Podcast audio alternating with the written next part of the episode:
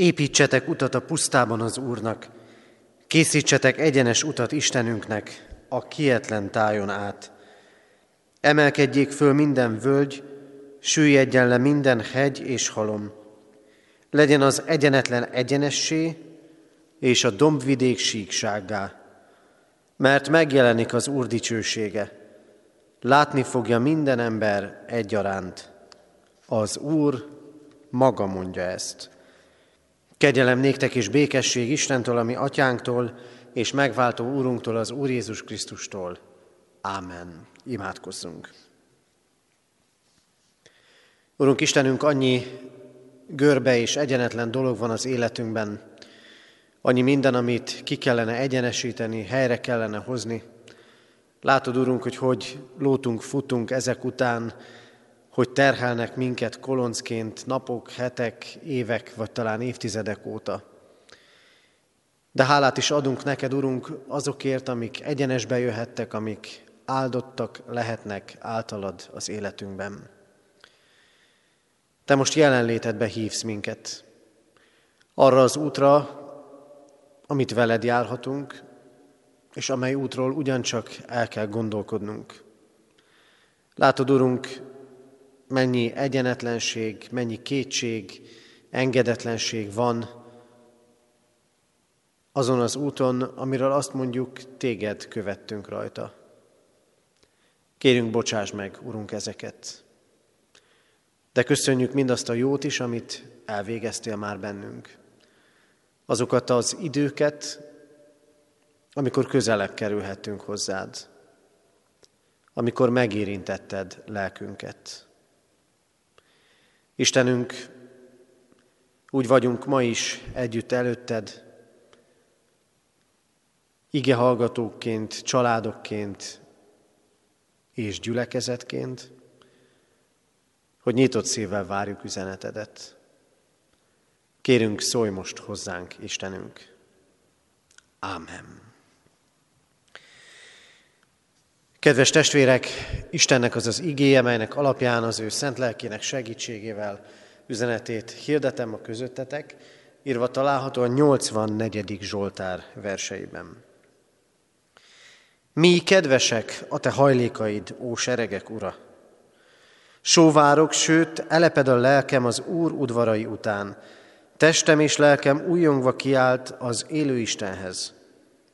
Még a veréb is találházat, és a fecske is fészket, ahova fiókáit helyezi oltáraidnál, seregek ura, királyom és Istenem. Boldogok, akik házadban laknak, szüntelenül dicsérhetnek téged. Boldog az az ember, akinek te vagy ereje, aki a te utaidra gondol. Ha a siralom völgyén mennek is át, források völgyévé teszik azt.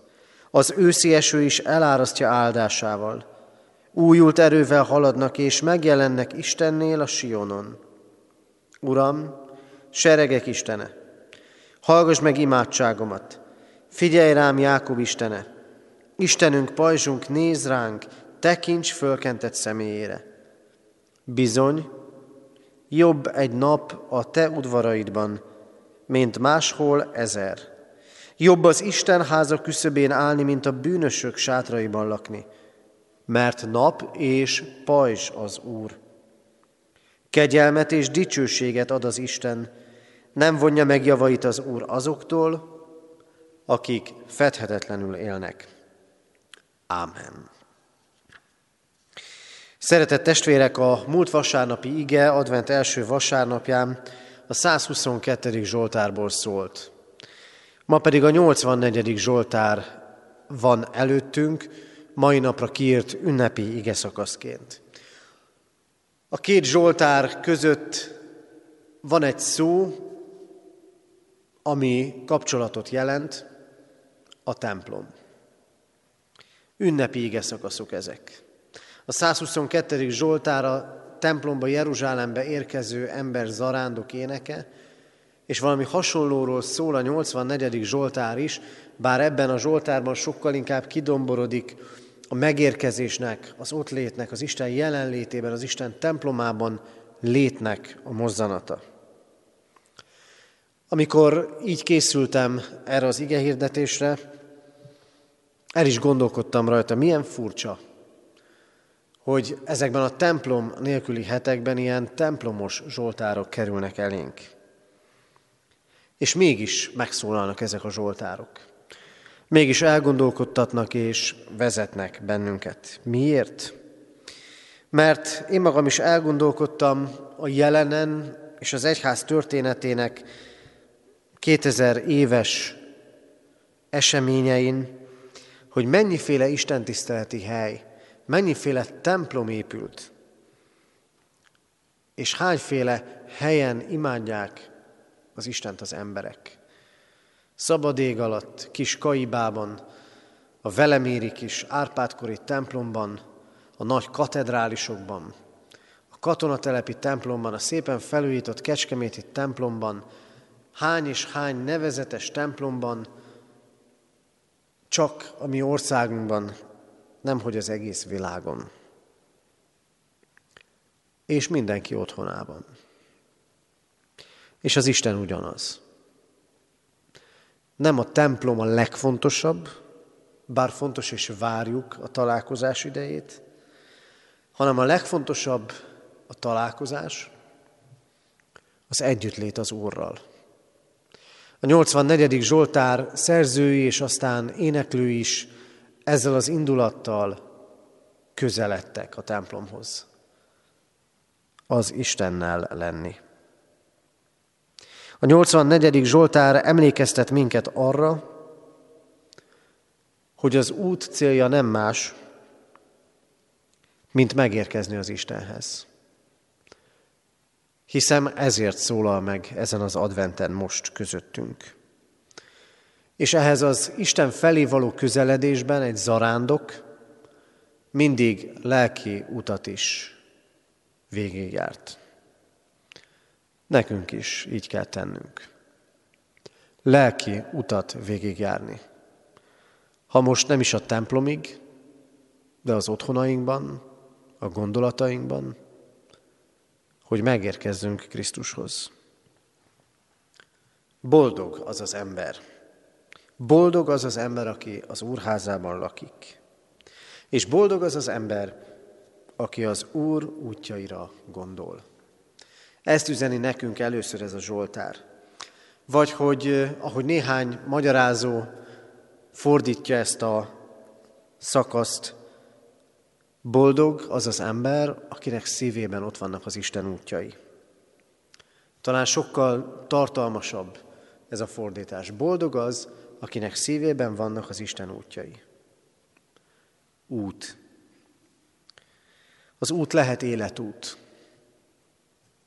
Sokat gondolkodunk erről, életünk különböző szakaszában, de ugyanilyen út a hitünk útja is. Krisztus követésében, az Istennek való engedelmességben, amiben vezet az Isten. És ez a két út, az életutunk szakasza, szakaszai és a hitünk útja nem feltétlen párhuzamos. Lehet, hogy nagyon előre haladottak vagyunk már az életutunkon, de a hitünk útján még nem annyira. Lehet, hogy érett, beérkezett embernek tartjuk magunkat, de a hit útján a hittanra járó gyerekeink előrébb tartanak, meg többet tudnak. Hogy is van ez? Milyen utakon járunk? És hogyan kellene járnunk ezeket az utakat? Boldog az az ember, akinek szívében ott vannak az Isten útjai. Akkor milyen útnak kellene ott lenni? A gondolatainkban, a szívünkben. Először is annak az útnak, amit az Isten tett meg az ember felé. Fontos, hogy itt kezdjük. Hogy ott kezdjük, hogy az Isten mit tett meg az ember felé. Mert felnőttségünk fontos jele az, hogy nem csak a magam szempontját látom, hanem akarom látni a másikét is. Akarom érteni ilyen módon a másikat is. Legyen most ez így. Hogy ne azt nézzük ma, ezt az igét hallgatva, hogy én mit tettem eddig az Istenért, hanem hogy milyen utat járt be az Isten hozzám. Az Isten mindig kezdeményezőként lépett fel. Kezdeményezett a teremtésben, kezdeményezett akkor, amikor látta az elhatalmasodó bűnt, és Noéval bárkát építetett, hogy rajta keresztül megmentse az emberiséget. Az Isten kezdeményezett akkor, amikor szövetséget kötött kiválasztott embereivel, aztán kiválasztott népével. Az Isten kezdeményezett akkor, amikor emberré lett Krisztusban, az Isten kezdeményezett akkor, amikor valahol vágyat adott a szívünkbe, hogy egyszer valamikor elkezdjük keresni őt, vagy egész konkrétan vágyat adott ahhoz, hogy ma odaüljünk meghallgatni az Isten beszédét. Az Isten kezdeményez. Advent idejében vagyunk. Karácsonyra Krisztus születésének ünnepére készülünk. Az Isten készült erre. Századokon keresztül. Készült, készült és készítette elő az embert. Mert a legnagyobb utat ő tette meg. Láthatatlan világból a láthatóba érkezett, Istenből emberré lett, emberekhez hasonlóvá lett. És hogy készülünk mi? Hogyan vagyunk mi ebben az adventben együtt? Együtt az Istennel. Mondják, ez az advent nem olyan, mert kevesebb benne a külsőség, a fény, és ezért nem is olyan igazi.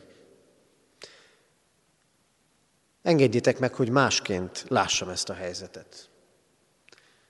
Ebben az adventben esélyt kaptunk, hogy ne a felszínre figyeljünk. Ne a csillogásra, ne a fényekre, ne a hangulatra. Ebben az adventben esélyt kaptunk arra,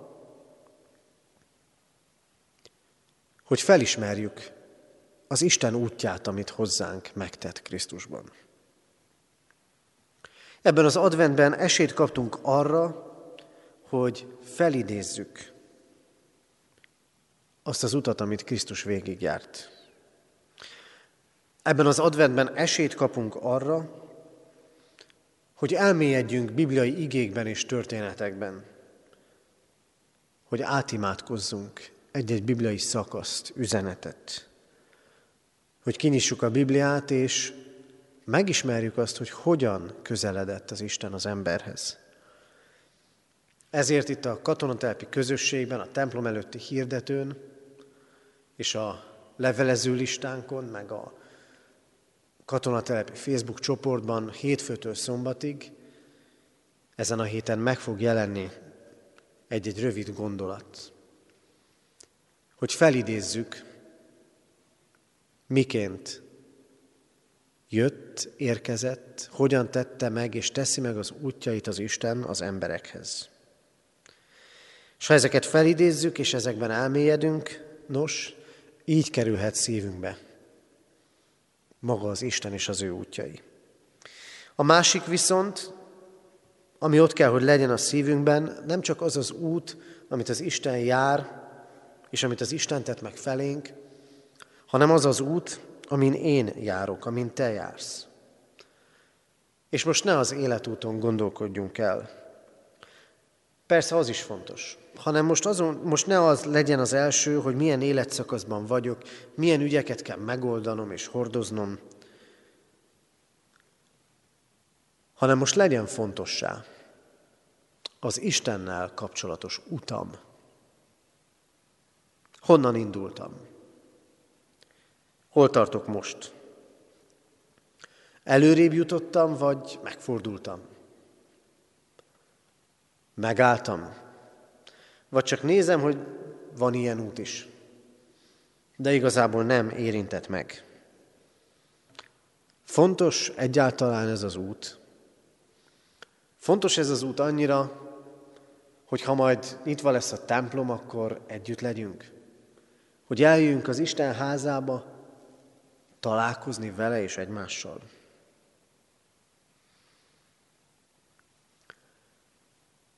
Az Ószövetség korában az emberek elindultak Jeruzsálembe, vállalva sok lemondást és fáradtságot. És ott volt a szívükben az Isten útja. Arra hív ma bennünket az Isten, hogy legyen ott az ő útja a mi szívünkben is. Az, amit ő tett meg hozzánk, és amin mi járunk, vagy bugdácsolunk, a vele való kapcsolatunk útján. De azt is üzeni ezt az, ez az ige, hogy ez az út sokszor nehézségek között vezet, és mégis így lehet boldoggá. Az út nehézségek között vezet, és mégis így lehet boldoggá. Újra mondom, boldog az az ember, aki az Istenhez törekszik. Ez kellene, hogy legyen a cél. Ez kellene, hogy legyen az élet célunk. Közelebb jutni az Istenhez. De ezen az úton vannak akadályok. Azt gondoljuk, nem csak az Isten útjával kapcsolatban, hanem az élet bármely útjával kapcsolatban, hogy az akadályok kiiktatásával lehetünk majd boldogok és célhoz érő emberek. Valójában azonban nem így van. A Zsoltár is azt üzeni számunkra, hogy Isten az akadályokon és a nehézségen keresztül vezet bennünket a boldogság felé. Nem azok nélkül, nem azokat kiiktatva, hanem azokon keresztül és azokat felhasználva. Miért is? Ha a síralom völgyén mennek is át, források völgyévé teszik azt. Az őszi eső is elárasztja áldásával. Síralom völgy.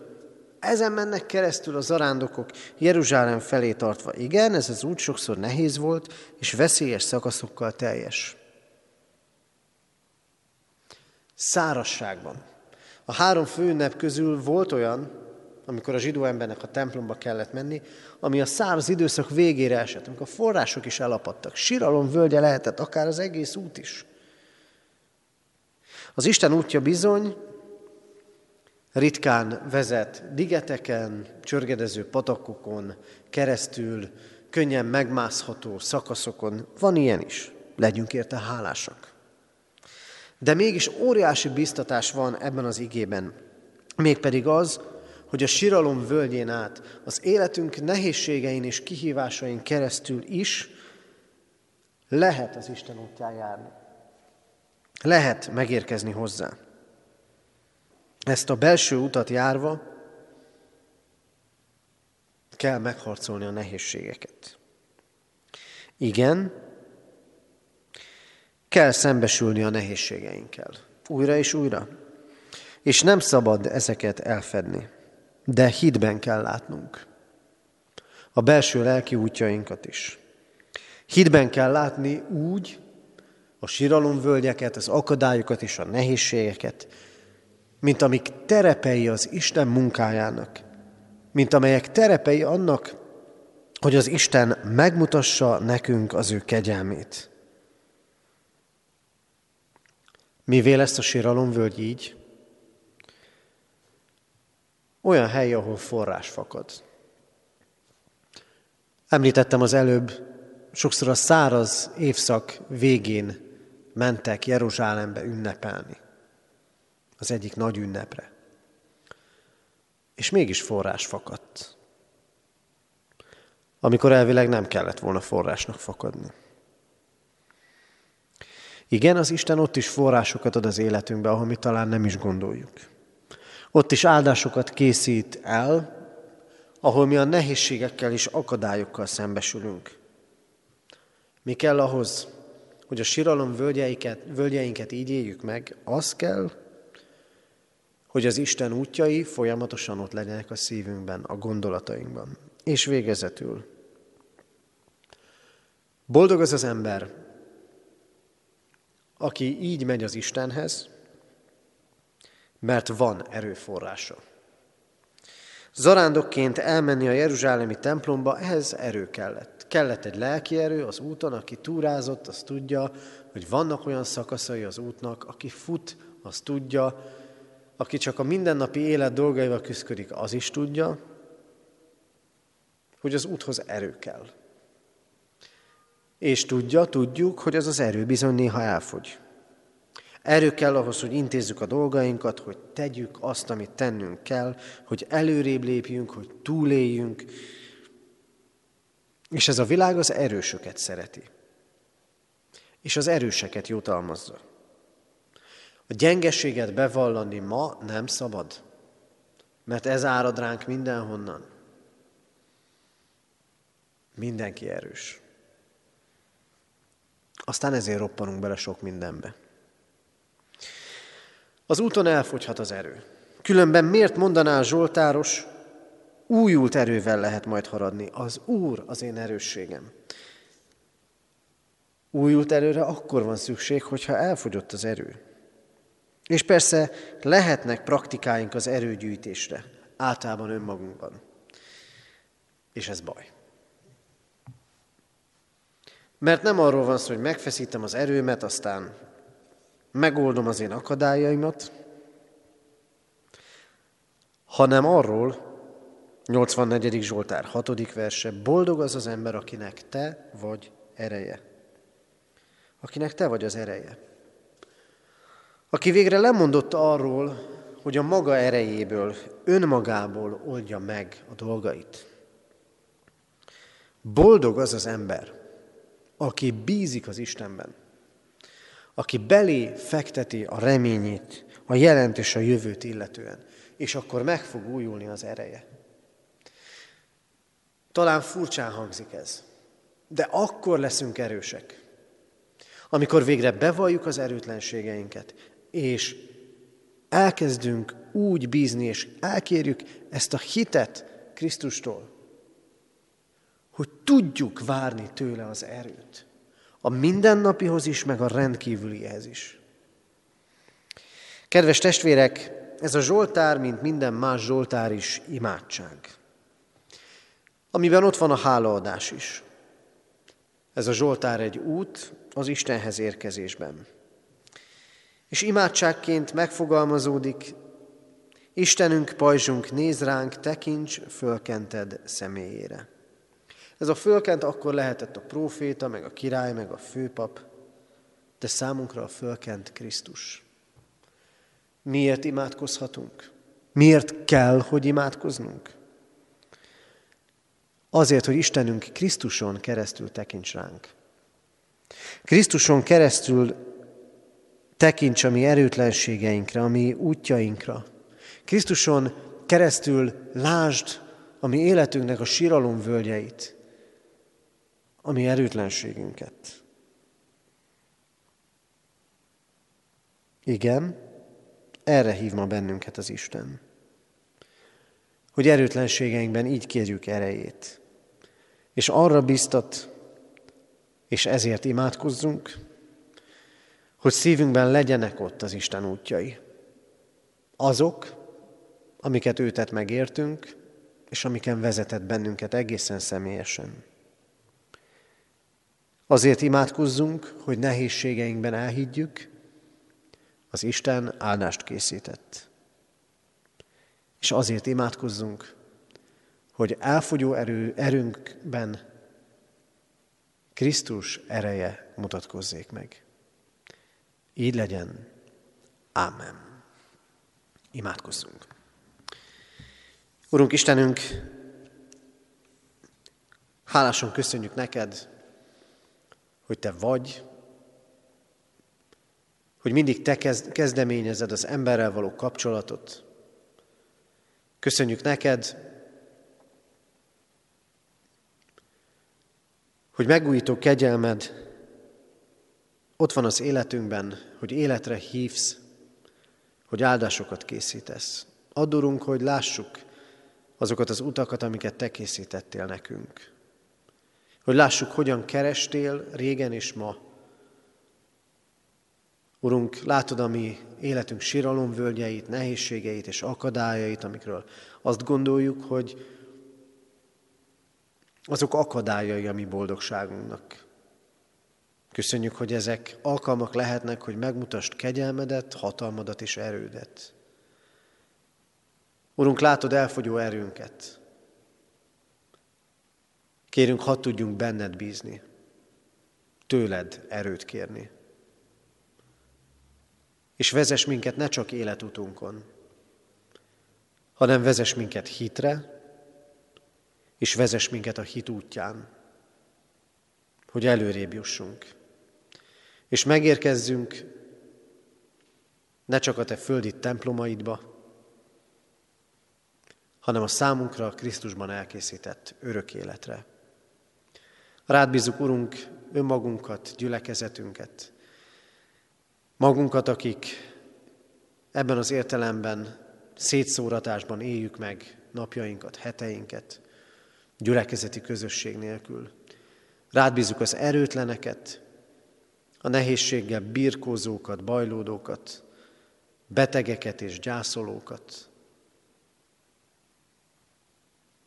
azokat, akik félnek, az egészségügyben dolgozókat, a szociális területen helytállókat, a tanárokat, pedagógusokat, és mindazokat, akik számára ez a mostani rendkívüli helyzet nehézséget, kihívást, anyagi bajokat, vagy éppen többletmunkát hozott. Imádkozunk, Urunk, hogy véget érjen ez az időszak. Gyógyító, mindent legyőző hatalmadban bízva fordulunk hozzád, és kérünk, Krisztusért hallgass meg imádságunkat. És hálát adunk neked, Urunk, így a távollétben is azért, hogy 16 esztendővel ezelőtt templomot szentelhettünk katonatelepen. Köszönjük, hogy az erő nem a falakban, hanem a te jelenlétedben, igédben és lelkedben áll. Ebben a hitben újíts és erősíts bennünket. Napról napra. Amen. Ti azért így imádkozzatok, mi atyánk, aki a mennyekben vagy, szenteltessék meg a te neved. Jöjjön el a te országod, legyen meg a te akaratod, amint a mennyben, úgy a földön is. Mindennapi kenyerünket add meg nékünk ma, és bocsáss meg védkeinket, miképpen mi is megbocsátunk az ellenünk védkezőknek. És ne vigy minket kísértésbe, de szabadíts meg a gonosztól, mert tiéd az ország, a hatalom és a dicsőség. Mind örökké. Amen. Krisztus mondja, jöjjetek én hozzám minnyáján, akik megfáradtatok és megterheltettetek, és megnyugvást találtok lelketeknek. És az Isten békessége, mely minden értelmet felülhalad, meg fogja őrizni szíveteket és gondolataitokat a Krisztus Jézusban. Amen.